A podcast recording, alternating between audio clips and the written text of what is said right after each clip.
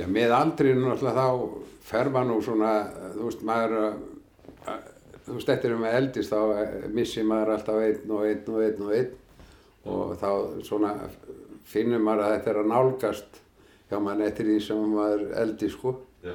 Og hérna, maður fór, eh, ég fór að, að maður fór að stúdira döða sjálfa, sko. Ef ég tek ekki þetta slísi, þá hefur það bara haldið áfram, en ég, ég, hérna, í sjálfur sér hef ég sætt mig við hann vegna þess að ég hérna eins og ég sagði á hann ég er svo spiritismi í mér og hérna trúi því að, að, að það er hljóta að vera eitthvað eftir hérna þetta líf sko Já.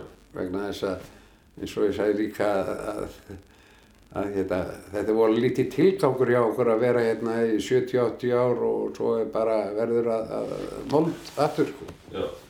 Að tilgangur lítur að vera meiri og stærri sko. Já. En eh, ég veit ekki neitt um það en, en ég lít að koma stað í því leggur blöpara.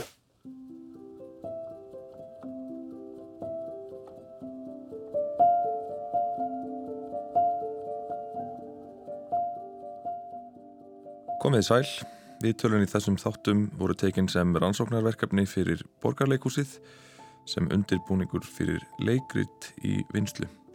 Þetta eru þættirnir Allir deyja, þriði þáttur, þar sem við tölum við eldra fólk, svona kannski í kringum starfslokk, um dauðan. Nágrannar deyja, fyrirmyndir deyja, atvinnureikundir deyja. Notandi Snapchat deyja. Notandi Instagram deyja. Sjómenn, þeir deyja líka.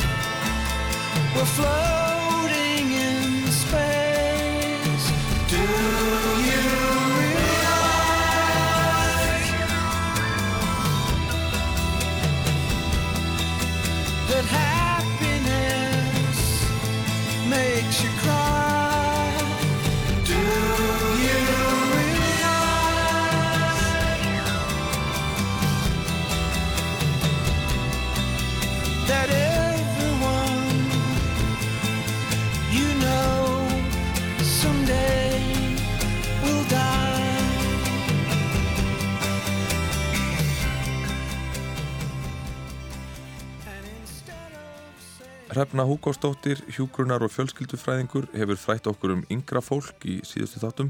Síðast talaði hún við okkur um ís og þís miðaldra lífsins, ábyrðin, starfsframin, uppeldis, skildurnar, reikningarnir og svo framvegs.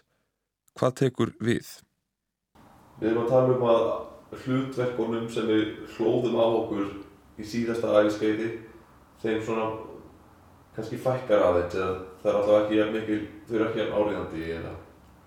Já, það fyrir svona slakna á þessum kröfum, svona heilt yfir, en maður svona teiknar upp þessa fullkomnu mannsæfi, Já, að þá bara ertu búin að koma, ef þú átt börn, þá eru þau bara einhvern veginn orðin sjálfstæð, þú hefur ekki þannig áhyggjur af þeim, þau bara axla sína ábyrð, Eh, þú ert komin út af vinnumarkaðnum og bara svona, um, og þannig er auðvitað alveg gríðarlega mikilvægt, veist, fólk fer mjög oft bara eins og krosskutunar hægt að vinna, að þú ferður einu hlutverki yfir í að mjög margir upplifa að þeir missi hlutverk og þú ferð alveg í alls konar svona, veist, fólk er að velta rosa mörgu oft fyrir sér, fyrir hvað við standa í staðinn uh, og alls konar. Kvikmyndaleikstjórin og handreitshöfundurinn Nancy Myers hefur einmitt fengist við þetta á gladværum grínmyndanótum, fengist við þennan hlutverka missi sem hrefna lýsir og í því skinni hefur leikstjórin platað Robert De Niro til að breyða sér í hlutverk Sjötugs hjartaknúsara. Freud said love and work, work and love.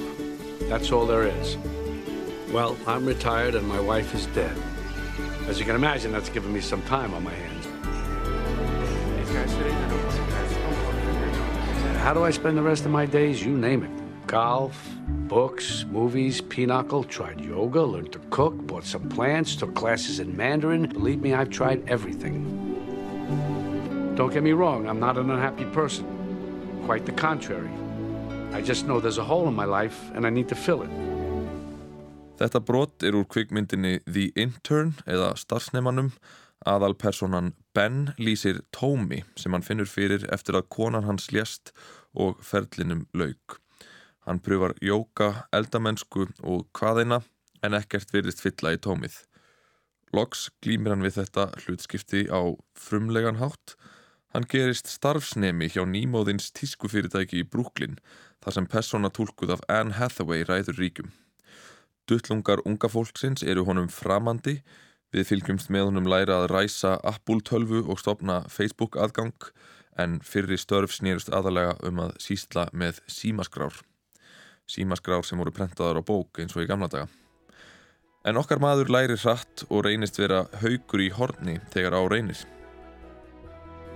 So here I am, applying to be one of your interns because the more I think about this idea, the more tremendous I think it is. I love the idea of having a place I can go every day. I want the connection, the excitement, I want to be challenged, and I guess I might even want to be needed. The tech stuff might take Við erum ekki öll jafn frumleg og Ben og hjá flestum okkar fylgir ekki hrífandi kvikmyndatónlist með elli líferis greiðslunum. En eins og Ben viljum við öll stað til að tilhera spennu, áskoranir, okkur vill líða eins og okkar sé þörf. Ben hefur að minnstakosti tekist þetta. Orð hans eru eins og beint úr bók Hrefnu fjölskyldufræðings sem segir að margir finnir reyndar kvíld og frelsi með aldrinum. En svo eru þetta aðrir sem að ná ekki að upplifa nýjan tilgang. Þar sem að jafnvel vinnurhlutverkið hefur verið fyrirferðamesti tilgangurinn. Þannig að veist, þessi yfirfarsla á því bara hlutverkum þínum ábyrð og tilgangi skiptir og hverjum þú tilheyrir. Ef þú hefur átt bara félagslegt, félagsleg svona, félagslega þörfin þín og félagslega samneitið þitt hefur að mestuleiti átt sér stað á vinnustafanum sem missur það, þú þarft að finna þér svona nýjan, uh, nýjan farveg til að tilheyra. Og hvernig breytist samband okkur við, dauðan? Þarna þetta fara vísbendingarnar að hérna, ofta hrannast upp að bara vinur okkar fara jafnvel að upplifa heilsubrest, við þurfum einhvern veginn að hugsa öðruvísi um okkur það var oft talað um að öldrunin byrjiði bara um færtugt, fimmtugt, við finnum einhverja breytingar, við sjáum lífslínurnar, þeim fjölgar í andlitinu og, og hérna, ég elska lífslínur, ég tala ekki um trukkur, ég, ég elska fallega lífslínur, minnst vinkonu mínar allar verða fallir eftir því sem að lífslínunum fjölgar. Með fjölgandi lífslínum gæti heilsan líka farið að segja til sín. Þar sem áður brunnu kaloríur og meðsl og vesen var fljótt yfir stíð, tekur við tímabil þar sem við þurfum að hafa eftirlit með heilsunni. og mér finnst mjög áhugavert, eh, ég er nýbúin að hitta konu sem var í viðtali hjá mér og hún var að mynda að segja bara ok, hvað á ég að gera? Núna hún er um sjötugt og hún segir veist, ég á bara aðeinslega vinkonur saumaklúburinn okkar núna snýst um heilsubrest. Mér finnst þetta bara ekki skemmtilegt. Mér langar svo eitthvað, mér langar svo að segja við þar getum við talað um eitthvað annað en hjartapillur og mjálmaskipta aðgerð og hjá manninu mínum og dududu eða eitthvað. Þannig að þú veist þetta, það, maður þarf næstu í svona meðvitað að vanda sig að, að það hlutverk eitthvað heilsan uh, taki ekki bara yfir. Einmitt. og auðvitað fjölgar bara til dæmis jarðaförum ég man eftir ég eiga samtal við ömmu mína þegar hún var ekki það, það er svolítið langt síðan. Hún var af þeirri kynnslóð þegar hún var bara slitin kynnslóð bara hérna uh, lúin bara hérna bændastjætt Íslendinga. Já, og hún hafði, ég man ekki hvað hún hafði farið í margar jarðafarir hún var bara rúmlega sjötug. En hún sagði bara nú held ég að þetta sé ég held ég fari í smá jarðafara pásu þetta er ekki að gera mér endilega mjög gott. Og hún var alveg ágætlega hress en þessar vísbendingar voru stanslust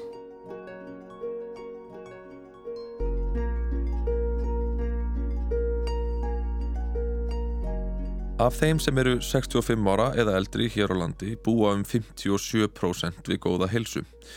57% er vissulega meiri hluti en tölvert lægra en hjá öðrum aldursópum. Fram að 60 aldrinum er meðaltalið nær 80%. Konur 65 ára og eldri eru talsvert ólíklegri til að njóta góðrar heilsu en kallarnir. Þetta er samkvæmt tölum hagstofunar frá 2018. auðvitað erum við þarna en, en á sama tíma erum við með mjög fjölmennan hóp sem er bara mjög heilsurhraustur, hugsa vel um sig, kemur sáttur undan æfinni sinni og er bara tilbúin til þess að njóta slaka og kvíla sig og en, en þá þarftu líka í, sko, þessi sátt fælst líka í því í rauninni að ég geti sleppt tökum á ábyrðinni Já. að það er flókið að rík halda í ábyrð sem að aðrir þurfa jafnvel að taka. Að hérna þannig að það, þetta er alveg þetta er þetta alltaf mjög áhugaverður aldur. Mér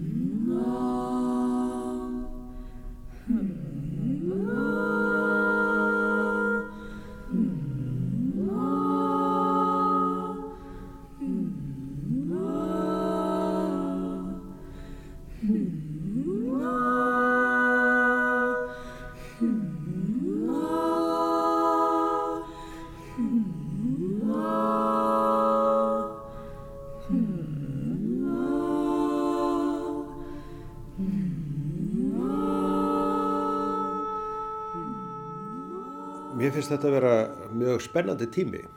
Um, ég sé, sko, um, mér finnst ég vera svona á ákveðnu breytingarskeiði og uh, ég er svo heppin að, að ég bý við mjög góða helsu og ég held að í rauninni ellin fyrst og fremst byrjið þegar að helsan fer að, að, að, að bila, annarkvæmt líkamlega eða andlega, þá byrjar ellin og, og aðdragandi dauðans en, en meðan að við njótum góðrar helsu og erum aktív og, og höfum alla möguleika þá, þá, þá er mikið í gangi. Og það eh, að um, hætta í launavinnu ég held að það sé ekki kannski sko, stóra skrefið hjá, hjá mér af því að ég hef svo gríðarlega mikið af áhugaefnum og, og, og verkefnum sem ég er að sinna og, og mér finnst ég ekkert uh, sko, að vera í minni verkefnum heldur en þegar ég var 35 ára Uh, í rauninni sko, uh, eru, eru verkefnin fjölþættari um margt. Sigurður Árni Þórðarsson, sóknarprestur Hallgrímskirkju, hefur fengist við launavinnu í um 40 ár. Hann talar mjög svona prestlega, hann Sigurður, íhugull og greinilega vanur að ræða stóru spurningarnar þar sem við sitjum inni á skrifstofinu hans í húsakinnum kirkjunar.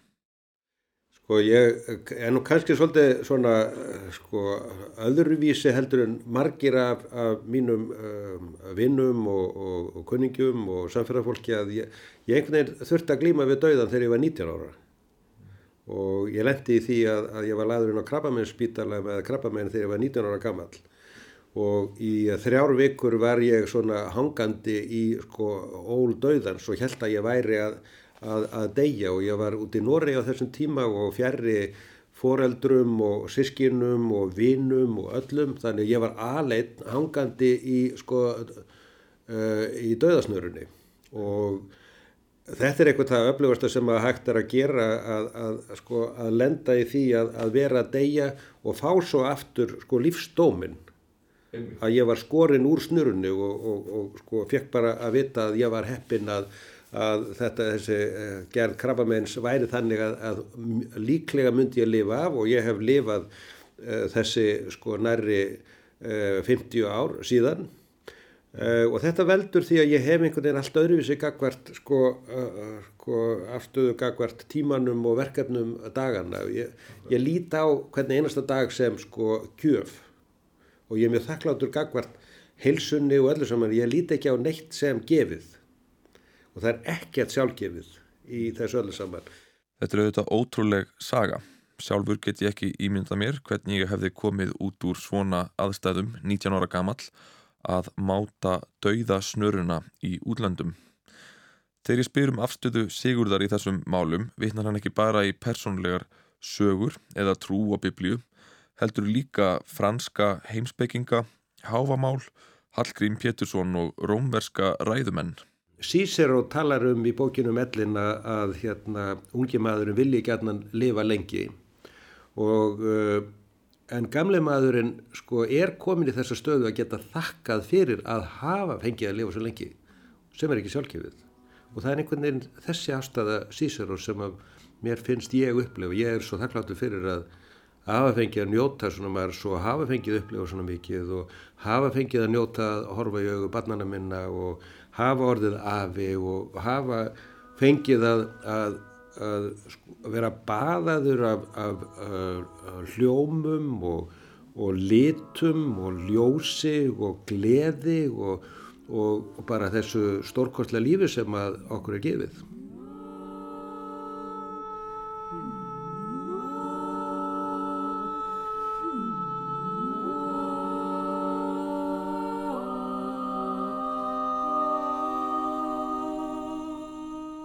Þetta er auðvitað fallega sagt og myndrænt og hann bæti því við að ef heilsan gefur sig, hvort sem það eru hnje eða lungu eða eitthvað annað, þá tekur hann því bara. Þannig lýsir hann sáttinni sem er svo mikilvæg, ekki síst á þessu æfiskeiði. Sko ég held að, að, að þetta með sátt, þetta sé spurningu lífsafstöðu, uh, ég sé það í uh, tengslu við sorgarvinnu sko hjá fólki, að fólk sem er alltaf að flýja öldu sorgarinnar, það nær aldrei sátt. Ég held að það sé það sama sem er bara með alla aðra þætti lífsins að maður verður að, að taka sko öldu tímans og áranna sem maður verður að stinga sér í gegnum alla þessar öldur og öll þessi viðfánsefni við lendum í, sko shit happens og uh, bara uh, sko við lendum öll í einhverju, einhverju skjelvingum uh, makar okkar sko deyja Uh, uh, ástvinnir okkar fara burtu og segja skilu við okkur. Uh, við lendum í fjárhanslegum áföllum og, og öllum skollanum. Það sem að er verkefni okkar er alltaf að glýma við og fara í gegnum þessa öldu og þóra að fara í gegnum hana. Í því er fólkin þessi sko grundvallandi afstafa, lífsafstafa æðruleysisins og, og það að sætta sig við það sem kemur. Allir þeir sem að sko flýja öldunar og þóra ekki að stinga sér í gegn uh, eru flottamenn og ef að maður er flottamæður þá er maður ósáttur.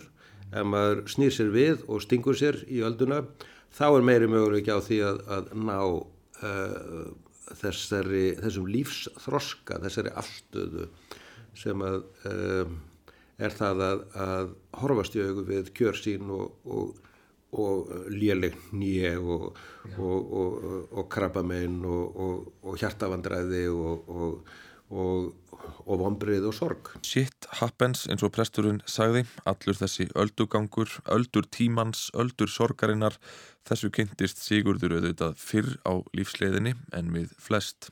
Sko, uh, ég var með bolgur í hálsi og uh, fór til læknis uh, í Oslo og hann sagði við mig það eru þarna alvarlegar bólgur sem við verðum að við verðum bara hennilega að skera þetta í burtu. Og, og gaf mér upp tíma sko skammu setna á spítala og ég hugsaði ekkert meira út í það. Ég bara tók þessu og að ég ætti að fara í uppskjörd og, og, og mætti svo á staðin um, uh, á tilsettum tíma og þegar ég stóð við skiltið fyrir framann spítalan þá sá ég það að þetta væri krabbamenn sjúgrós og ég vissi það ekki fyrir. Já. Þannig að, að þá var þessu alveg flassað framann í mig bara það sem ég stóð uh, á fallegum höstu degi í Oslo. Það var skiltið sem... Það var skiltið sem saði mér það að sko þú ert í snörunni. Já. Og síðan einfallega fór ég inn í lobbyið og, og var svona einhvern veginn eins og palli einn í heiminum þarna í lobbyinu og, og með þessa sko einhvern veginn svona bara uh, þessa hettu, þessi álög á mér uh, og þess, þetta var að daga á mig og síðan var mér skuttlað uh, inn á, uh, inn á spítalan, inn í sexmanna stofu og þar voru sko fimm aðrir með mér og þeir voru allir degjandi. Þannig þessu var klint einhvern veginn alveg sko bara inn í sko alla vitundar ánga á mér, sko þú ert döðlegu vera. Til dæmis var þarna einn maður sem hafði mikinn áhuga á norskum og íslenskum mállískum og tungumáli og rætti það við 19 ára Sigurð áður en hann dó síðan stuttu síðar. Og ég náttúrulega sko, spurði, er þetta alvarlegt? Og þá sagðu læknandi mér það, já, þetta er alvarlegt. Ert ekki, það er ekki tilviljun að þú ert inn á krabbmeinsjúkrahúsi en ekki inn á einhver almennri liflæknisteild. Þannig að, að í þrjár vikur þá sé, uh, var ég bara í því að matla með þetta sko, hvað merkingu þess að deyja.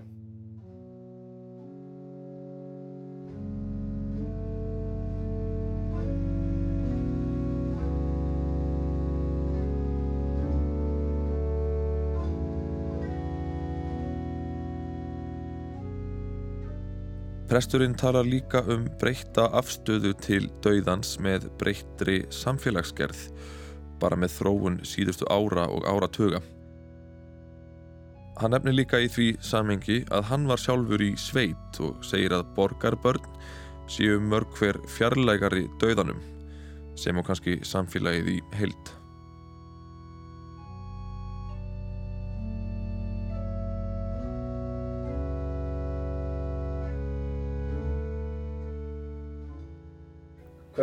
Við fjarlægst dauðan sem samfélag. Og nú er ég kannski að tala um sem borgarbarn. Hvernig, hver, hvernig er hann já, hvernig höfum við fjarlægst dauðan? Já, náttúrulega dauðin er stopnarnavættur uh, og fólk deyr uh, helst ekki orðið á heimilum. Það er uh, til dælu fátitt að, að fólk geti fengið að deyja heima en, en það er sem betur fer uh, en þá sko, skilningur á því að það sé betra fyrir fólk að fá að, að, að deyja heima ef það er hægt en svo er það náttúrulega bara í mörgum tilvægum alls ekki hægt.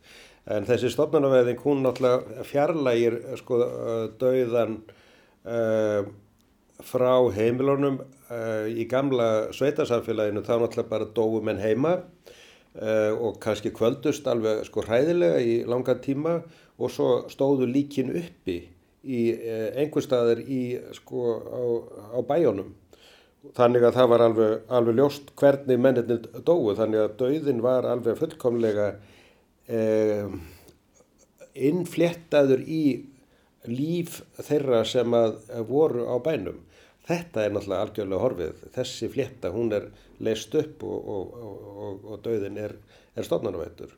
En það er svo, sko, aftur svo, auðvitað munur á því hvernig mann starfa. Fólkið sem starfar á spítalunum, það er alltaf upplifa döðan. Við prestarnir erum alltaf að upplifa döðan vegna þess að við erum að þjóna fólki sem að er degjandi og kallar okkur til að, að ræða stórumálinn og og það er oft sem að ég er beðin um að koma til fólks þegar það er að undirbúa dauðasinn sem er mjög merkilegt. Og þá getur maður fengið að ræða um líf og dauða og, og fólk vil gætnan fá að ræða um hvernig verður dauðastundin, hvernig má ég búast við að, að framhaldi verði, er líf eftir dauða, trúir þú prestur að, að það sé sko til eitthvað sem er handan við Þannig að þetta, þetta er mjög gefandi umræður við fólk sem er undirbúið að döða sig. Já, það hafa margir fyrirfram gefnar hugmyndir um hugmyndir presta. Ef ég hafði einhvers konar fordóma fyrir þessari stjætt er Sigurður búin að lækna mig af þeim, bara svo það komi fram. En hvað segir hann þá um dauða stundina? Óttast presturinn dauðan?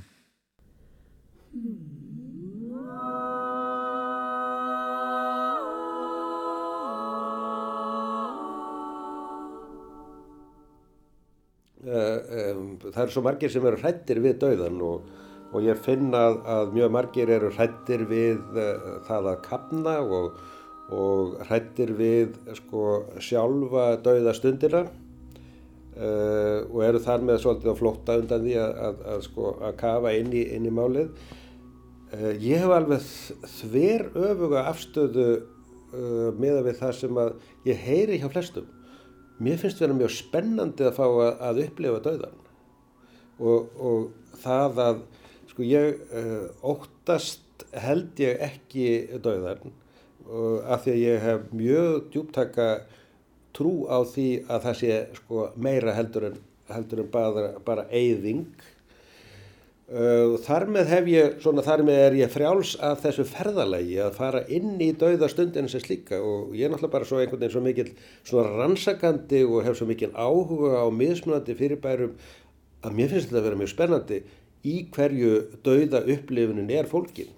Þetta fannst mér mögnuð og framandi afstæða. Að dauðin væri jafnvel bara spennandi. Það var reyndar eitthvað magnað við þetta samtal að sitja þarna og ræða þetta allt saman. Mér fannst ég sjá litina skýrari í kringum mig, orðins og unaður lífsins, ringluðu í höfðin á mér, að hugsa um ljós sem eitthvað sem baðar mann, eins og presturinn gerir, svona prestaleg og falleg orð, nöytn og fegurð. Sigurður segir að samlíking um líf fóstursins í móðurkviði geti hjálpað okkur að tala um dauðan. Þegar að við vorum fóstur í móðurkviði þá sáum við ekki sko, neina liti utan við uh, sko, uh, móðurlegið.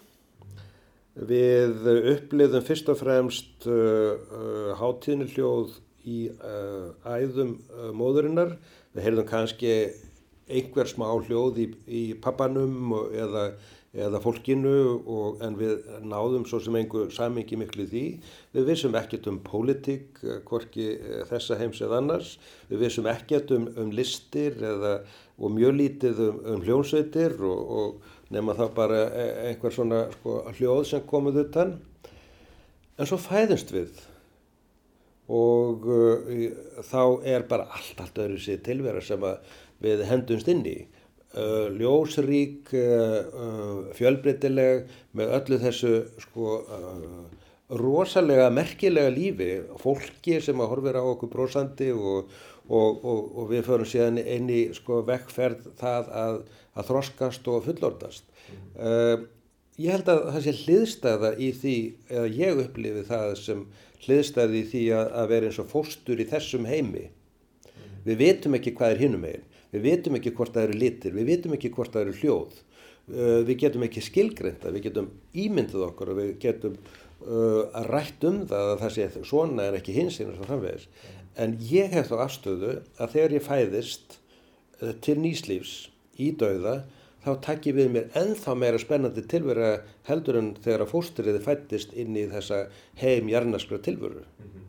En er, þetta er trúalega afstöða og ég get ekki raukstutt þetta, þetta er einfallega mín uh, um, svona uh, full vissa í von sem að trúin er alltaf. Útfararstjórin í síðasta þætti var í fersku minni þegar ég bað Sigurðum að leggja hlustendum praktíst verkefni í klímusunni við döðleikan.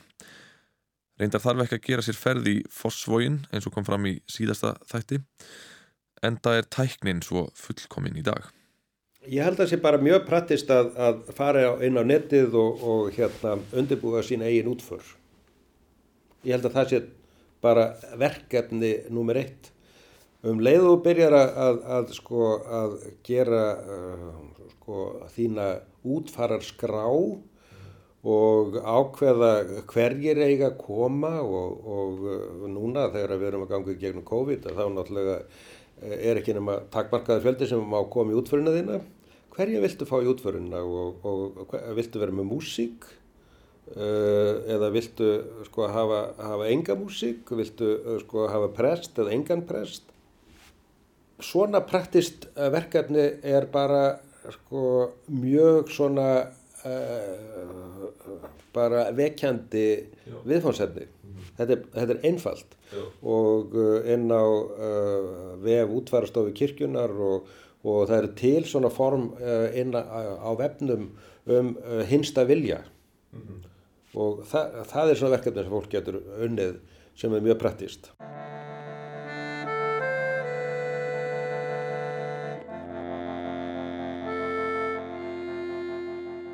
dætur deyja, uh, ömmur deyja.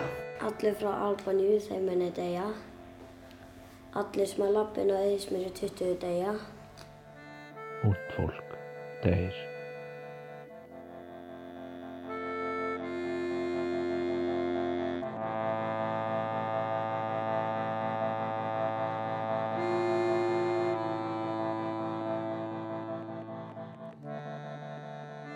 hefur eitthvað íhugað sko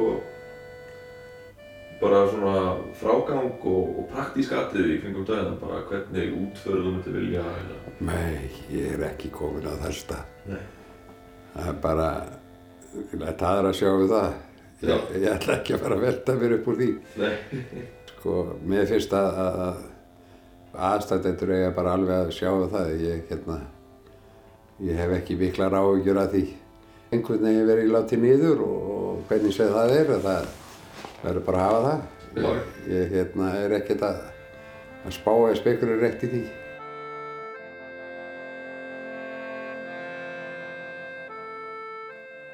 Valdimar H. Sigþórsson er 66 ára og býr í Kópavogi með konunesinni. Hann er nýlega hættur störfum en var í rúm 49 ár á sjó. Hann tekur undir orð prestsins um æðruleysi og mikilvægi þess, þótt hann segist reyndar ekki vera trúaðri en nokkur annar, gangi ekki í kirkju og svoleiðis. Hann hefur greinilega ekki lagt þetta praktíska verkefni prestsins um útföruna fyrir sig. Valdimar var aðeins 15 ára gamall þegar hann byrjaði á sjó um 1971. Fyrst á síðutógara, svo skuttógara og fór þaðan á fraktskip.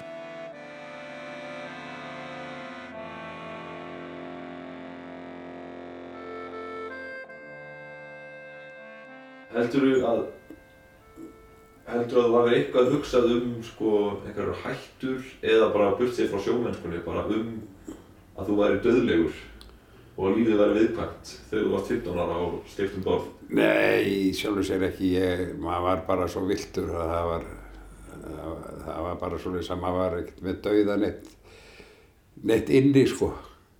Það var kannski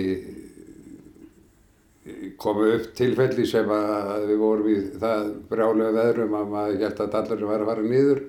Það maður fór svona að spá í það en, það fór, kom og fór.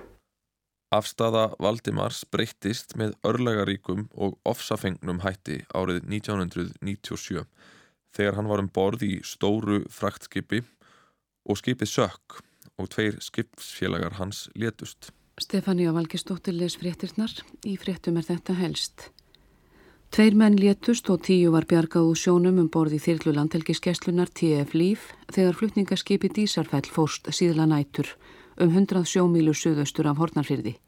Skiprótsmennirnir Ég bara man eftir þess að það var að, ég fór síðastur frá borði og, og það kom brot og, og flegði við niður ég ekki hvað marga metra sko Já. og það sko kraftur var svoleiðis að það víbruða með kynnadarlegin niður sko Wow.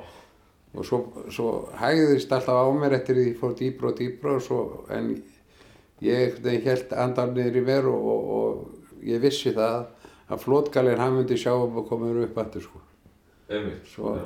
fór ég á þessum rosa hraða niður og, og, og svo hægðist meira að vera svo allt í og fór ég litast upp aftur og hérna þegar var fjess og loft í sig að, að þá hérna fór maður að, að spá í, í ringin í kringum sig og þá læstu okkur allir saman og hérna voru bara svona eins og slanga eftir, eftir hérna öldunum sko. Það er ekki lítið skip. Nei, þetta, þetta var stórt skip sko, þetta var stærsta skip sem ég hefði verið á. Samt var ég búinn að vera hérna út í flóanum í kolvillu sem verið bara eh, 10 tonn, tonna eh, sko, trillum Já. og það var aldrei hræðslega neitt í manni Nei. og var aldrei eiginlega hræðslega í mér á sjó fyrir en eftir þetta slið sko. Valdimar komst oft í hann krappan á sjó en þetta var lang alvarlegasta atvik sem hann upplifði. Hann lýsir tímaleysi sem háskinn var, lýsir einstökum atvikum af nákvæmni, hvernig skinnjunin breyttist, hvernig sálrænu eftirkostin hafi fyllt honum aðeins síðan.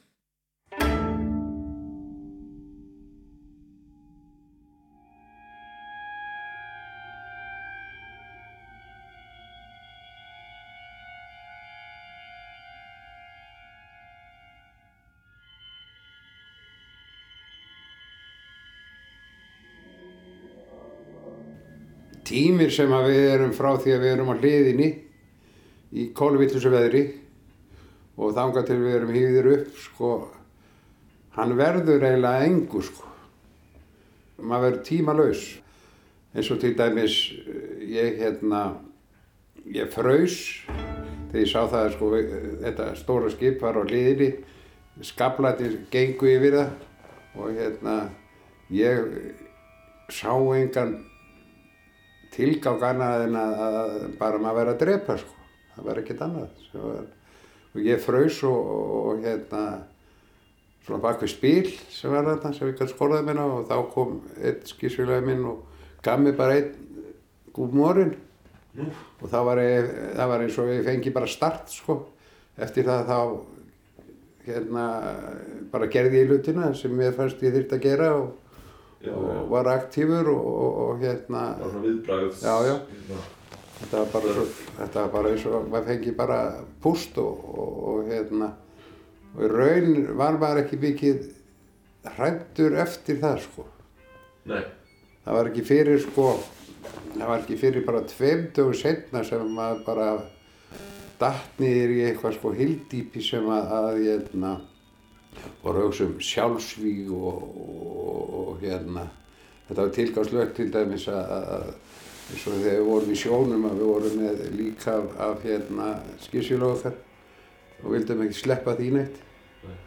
og þetta var svona maður, akkur var það hann ekki ég og, og skilur þetta var svona hluti af bara uppgjör í sjónum sko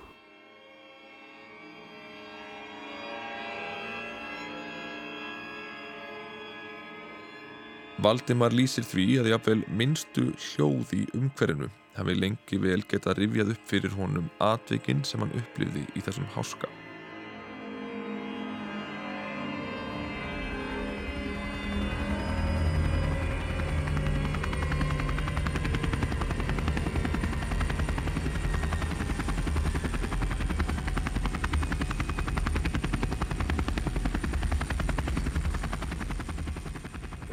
Eins og til dæmis leiki vel þá hérna uh, greip mig ofsaræsla þegar að uh, hérna þyrla kom hérna Já. og lendi hérna við borgarspítaran þetta var bara dílingi við að, að hérna, átta mig á því að það var þyrla sem að bjargaði okkur en hún gerði mér ekkert nema bara gott sko Já.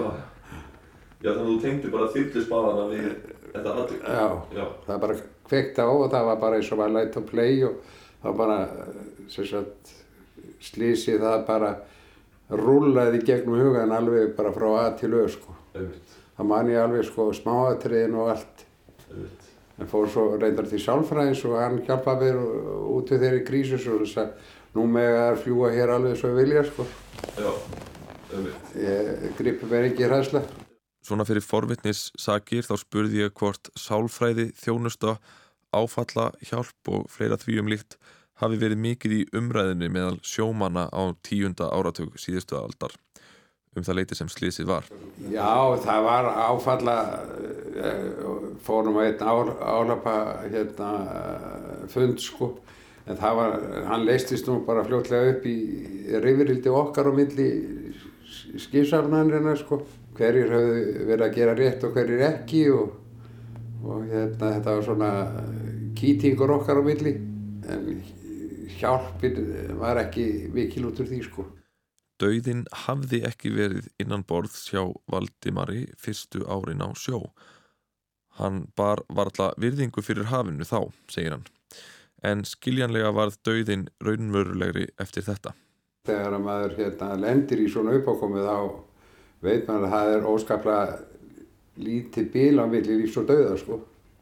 Þetta er svona hluti sem maður fer að spá í og ég tala ekki svo eins og í dag sko að ég er ekkert að velta mér á dauðanum vegna þess að ég er alveg sáttu við hann, ég er ekki rættu við það. Ég líti á dauðan sem svona, eh, svona tilverustig sem að ég hérna, er alveg búinn að setja mig við. Ég, svona eins og maður segir, orka eðist ekki og ég er orka og hvert fer ég? Ég meina tilgangu lýsir sér óskaplega lítill ef að, ef að hérna, maður hérna hangir hérna í 70-80 ár og svo bara verður maður að mold aftur. Já. Að moldu eftir komin að moldu höfstu verða. Sko, ég er ekki hrættur við að, að fara yfir úr sko. Þannig sé jafnvel skinsamlegast að krefja ekki dauðanum svör, heldur sætta sig við spurninguna. Hann svarar ekkert sko. Nei, þú getur ekki kannið. það er alveg reynlínur. Já. Valdimar er líka á sveit eins og Sigurður prestur og tekur undir að það eitt og sér færi mann strax í meira návíi við dauðan. En neyðast sjómenn til að velta dauðanum fyrir sér meira en aðrir. Já, ég held það vegna þess að, að, að hérna, sko, við, við lendum í svo mörgu og það er oft alveg rosalega mjótt á mununum, sko, hvori megið þú lendir, sko. Það, það er bara svoleiðis að, að í brjálu veðru þegar er að vera eins og á tógarunum að vera að taka það og, það kemur brot inn og, og hérna fyllir gangana og, og hérna þú veist, ef þú nærði ekki góðu taki þá ættu bara að fara nút sko. Ég veit ekki hvort margir hlustendur geti almennilega séð fyrir sér vinnustaf þar sem þú ert við reglubundin störf nema hvað stór alda gæti hugsanlega hrifsað mann frá þeim allt eftir veðri og hvort maður nái taki.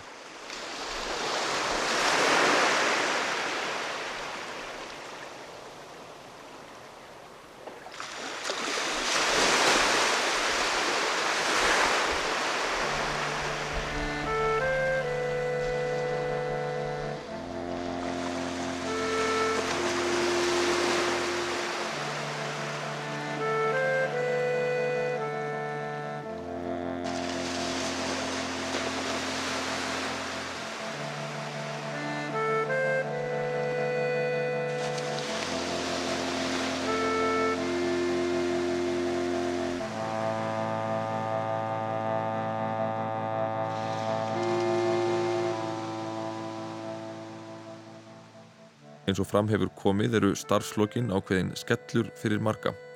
Fyrir Valdimar var þetta ekki myndlíking, heldur skall stór málmkuppur bókstaflega á höfuðið á honum þegar hann var við störf. Hann steinrótaðist og neytist til að fara á eftirlaun fyrr en hann hafði séð fyrir sér.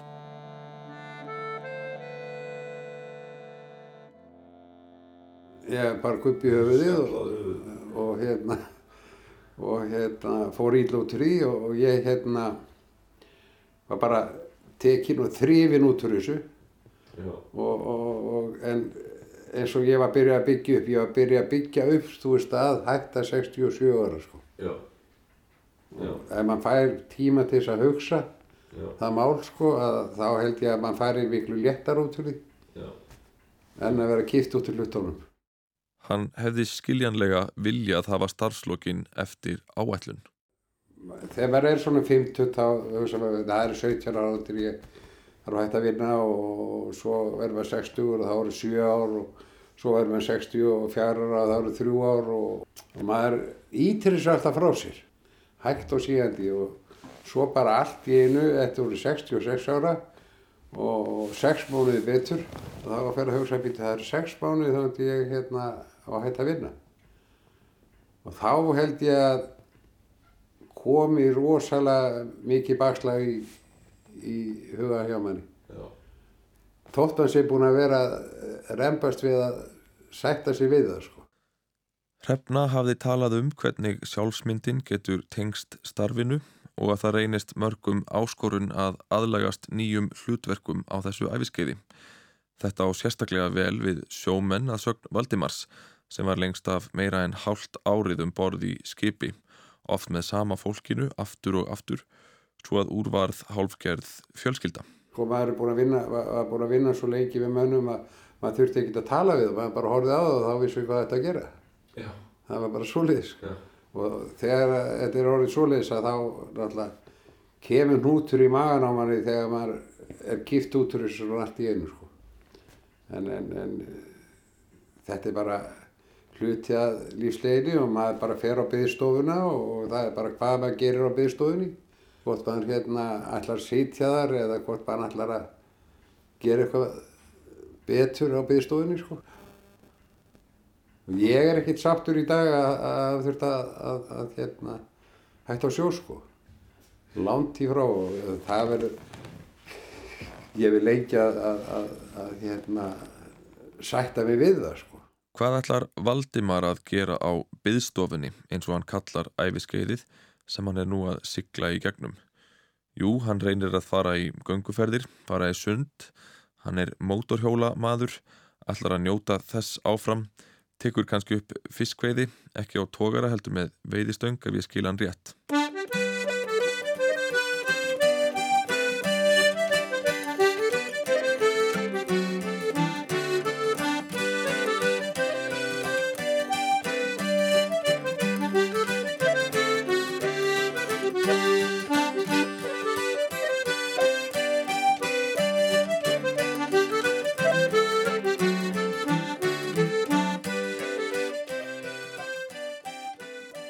Svo færumst við auðvitað nær elli og dauða þegar þessi hugðarefni eru tekin frá okkur líka.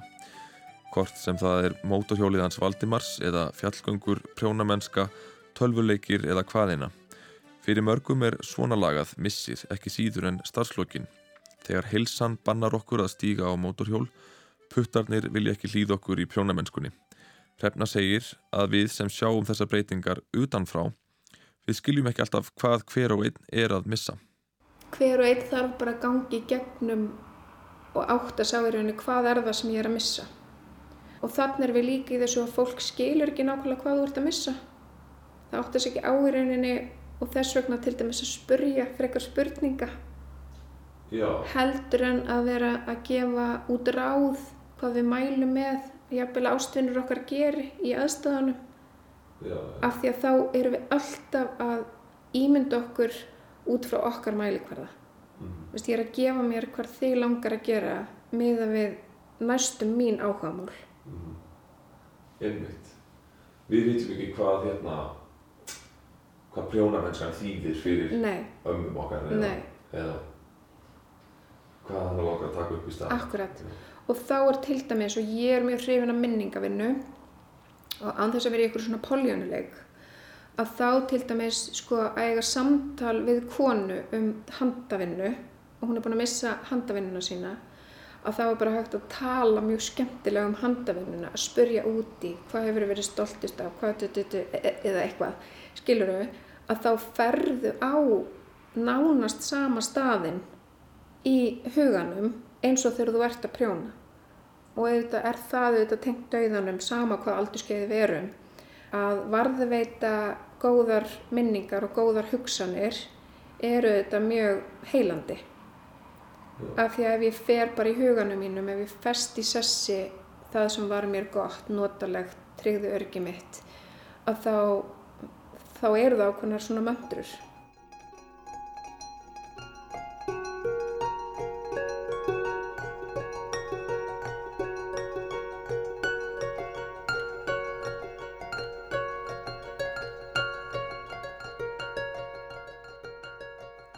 Nú rættu við Valdimar ekki mikið um Guð eða notuðum að minnstakosti ekki það orð þegar hann fór að lýsa æðri mætti og orku.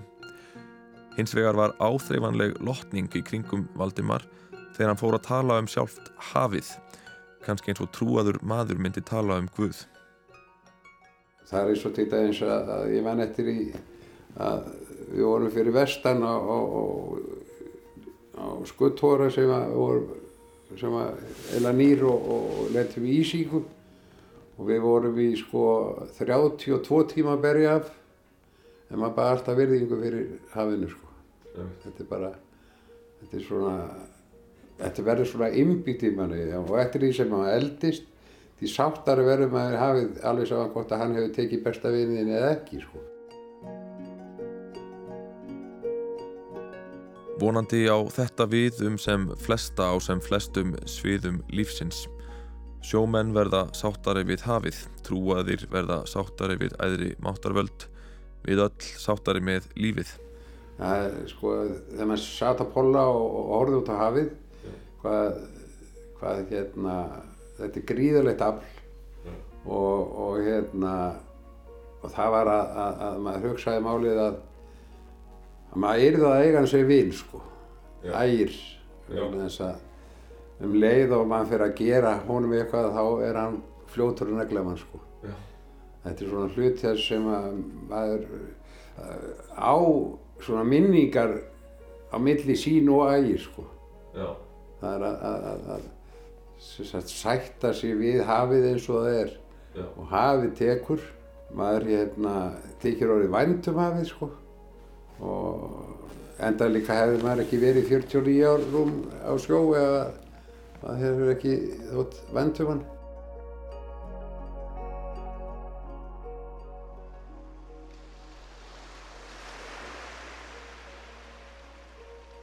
Fyrirvinna deyr, uppalandi deyr. Ömmubörn deyja, yngstu börn deyja, Vinir og félagar, kunningjar, deyja og prestur deyr. Já, hlustundur rásar eitt degja.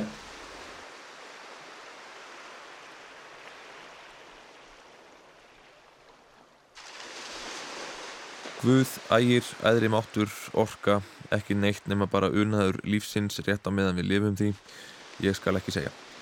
Hvort sem það eru háskaleg slís eða eðlilegur heilsubrestur, þá deyjum við öll, eins og kemur líka fram í næsta þeitti. Nóum það í byli.